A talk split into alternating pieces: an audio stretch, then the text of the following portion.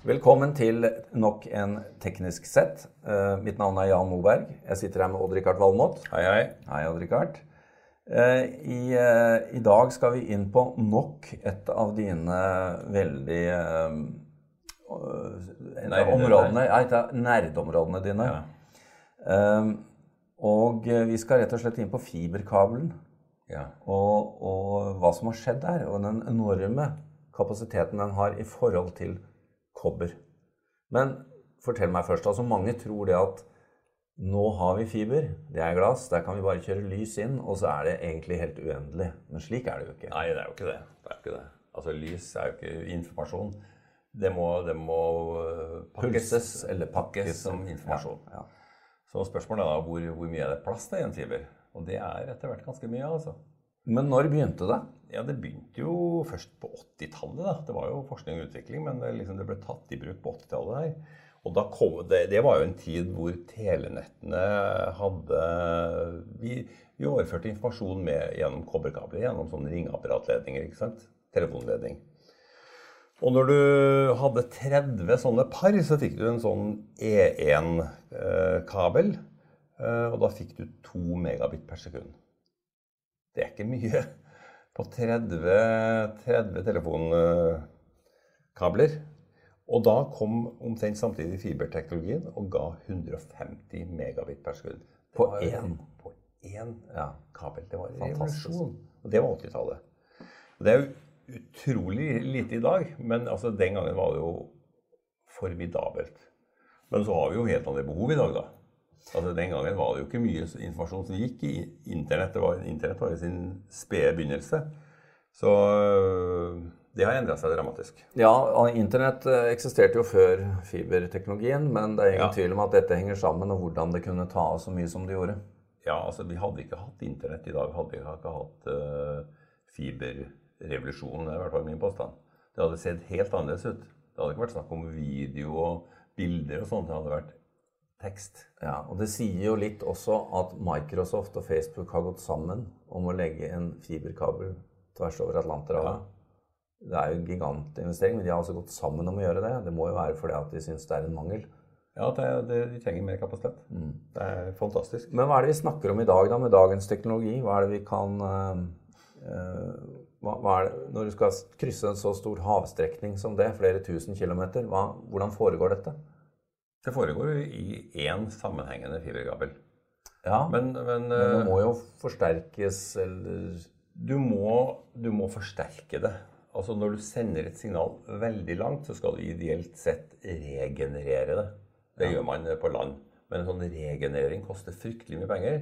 For da må du ta alle fibrene ut, øh, dekode signalet elektronisk, bygge det opp igjen og pumpe det inn med nye lasere. Da har du gjort en komplett regenerering. Det er, koster, er det 80 bølgelengder i en kabel, så koster det 10 millioner dollar.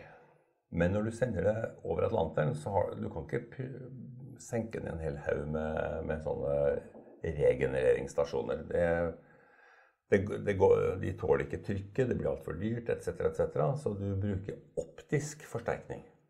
Du kan bruke rett og slett lys til å forsterke lys. Men du må ha strøm, da. Mm, På en, på en sånn kabel, da, hvor, hvor eh, lang avstand er det mellom disse uh, forsterkerpunktene? Uh, det, det har jo, du har jo nevnt at du kan kjøre 100 km. Ja, det er ca. 100 km. 10 mil mellom hver sånn optiske forsterker. Så det er en del sånne optiske forsterkere på havet oh, ja. langs oh, ja. en Det er det. Det er det. Det, er, øh, det kommer jeg på hvor lang halsdekning er, da. Ja. Og de må jo de må ha strøm. ja, det nevnte du. Sant? Så du mater inn ja, altså, typisk pluss 5000 volt på ene sida og minus 5000 volt på andre sida. For å drive dem. Og de driver alle de her forsterkerstasjonene under. Men kabel i dag har jo en enorm, en enorm kapasitet. da. Og det er jo visse ting som skal til da, tross alt, for å få, for å få en sånn kapasitet. Uh, og da kan vi jo se på hva, den, hva, hva utviklingen har gitt oss. For i 92 så kom man opp i, fra altså de 150 megabitene per sekund, så nådde man 2,5 gigabit per sekund. Og fire år senere så nådde man 10 gigabit per sekund. Eh, det var en formidabel utvikling som skjedde da. Eh, men det var, det var kabler som man pulsa laseren gjennom. Altså du skudde laseren av og på. Ja, Så da ble det mørkt og lyst, og det ble Ett og null, ett og null, ett og null. Altså, det skal litt til å, få, å gjøre det ti millioner ganger i sekundet. Etter det så må vi ty til mer avanserte måter å forme, forme lysbølgene på. Og da har du det som er vanlig i dag, da, det å gjøre noe Det høres veldig uh, fancy ut det. Kvadraturamplitydemodulasjon. KVAM. Og det det er et begrep som går igjen i all sånn bølgeteori. Men da slår man ikke av og på? Da slår du ikke av og på. Da har du, har du en bølge som du modulerer både i amplityde og fase. Og så er det forskjellen mellom de to formene som gjør at du får masse informasjonspunkter i et sånt kvadrat som, de, som, dekkes av de to bølgene. Det er kanskje litt komplisert. Men i praksis så pakker du data tettere. Så du pakker får... data mye tettere, ja. Um, nå er jo selve, selve, fiberen er jo billig å produsere, har jeg skjønt. Veldig billig. Og det har etter hvert også blitt superklart glass, som mm. gjør at uh, vi men, men, hvor langt har vi kommet i denne teknologien? Er vi, sånn, er vi nå på denne herre med, med en avtagende grensenytte? Eller kan, vi, for, kan vi, forvente oss Det ser ikke ut som vi har nådd, eh, nådd slutten her. Altså Når vi skal under Atlanteren, da bruker vi, da bruker vi ekstremt kostbart glass. Altså det, det er superrent. For da skal det lyse veldig langt. Og problemet med de her de undersjøiske forsterkerne, de drar jo med seg støy også. ikke sant? Du for, når du forsterker, så, for, så, forsterker du også støyen. Så det, det signalet må øh, må være, veldig bra, og du må lyse gjennom veldig rent glass. Det er ikke så viktig på landsida. Da er ofte prisen øh, viktigere. Og det er ikke så lange strekninger heller.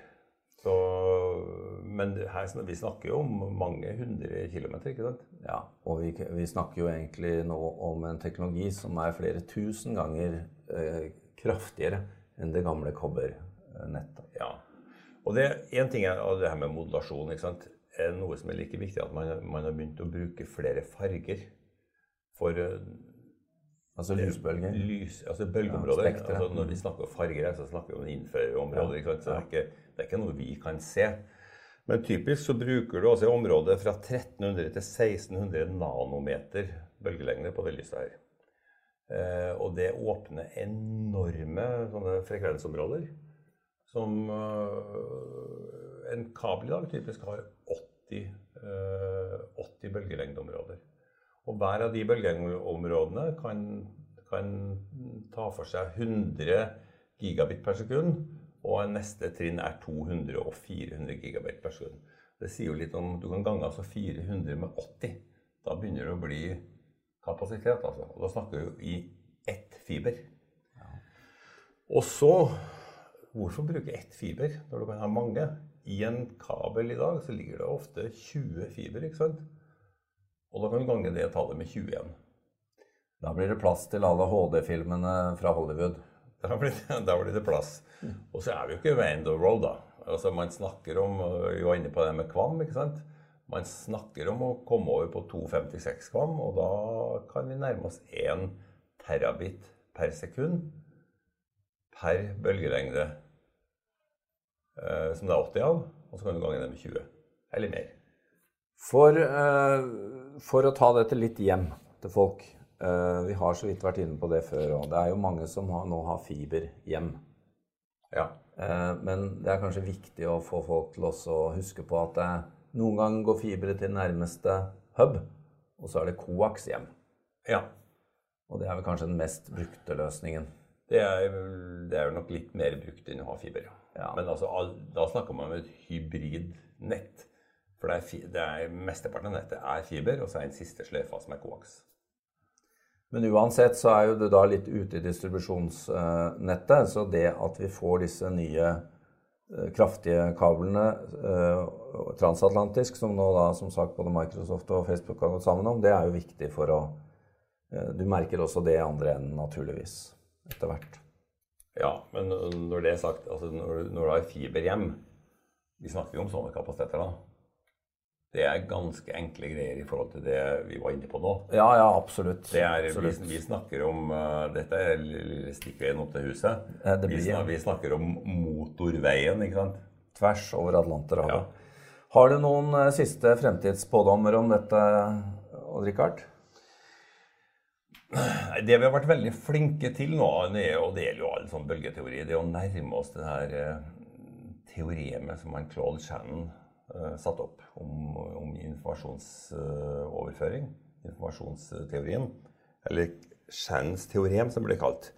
Og forskere ved Bell Labs de antyder nå at vi er rundt en faktor to unna. Så vi begynner å, vi begynner å nærme oss slutten. Ja. Vi gjør det.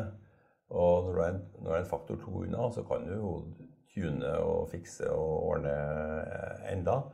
Men eh, vi har tatt ut veldig mye av gevinsten. Så vi nærmer oss en eh, grense som vi kan definere fysisk. Ja, så var det mulig altså, Det åpner seg ikke opp flere bølgelengder i glasset. For at Nei. de andre bølgelengdene, de er, det lyset går ikke så godt igjennom. Vi kan modulere litt bedre, vi kan tune og fikse, men vi er Vi ser end of road. La oss da bare avslutte med eh, et lite eh, tema som har vært oppe i forbindelse med at Norge skal bygge nye eh, strømkabler ut av landet. Ja. En til England og en til Tyskland. Dette er jo for å, for å utveksle strøm og produksjon med Europa. Mm. Der har diskusjonen gått på at man burde legge fiberkabler samtidig. Sammen med disse store strømkablene. Mm. Eh, Og mange tror jo at ah, det burde man gjøre, det er én operasjon, dette må jo være effektivt.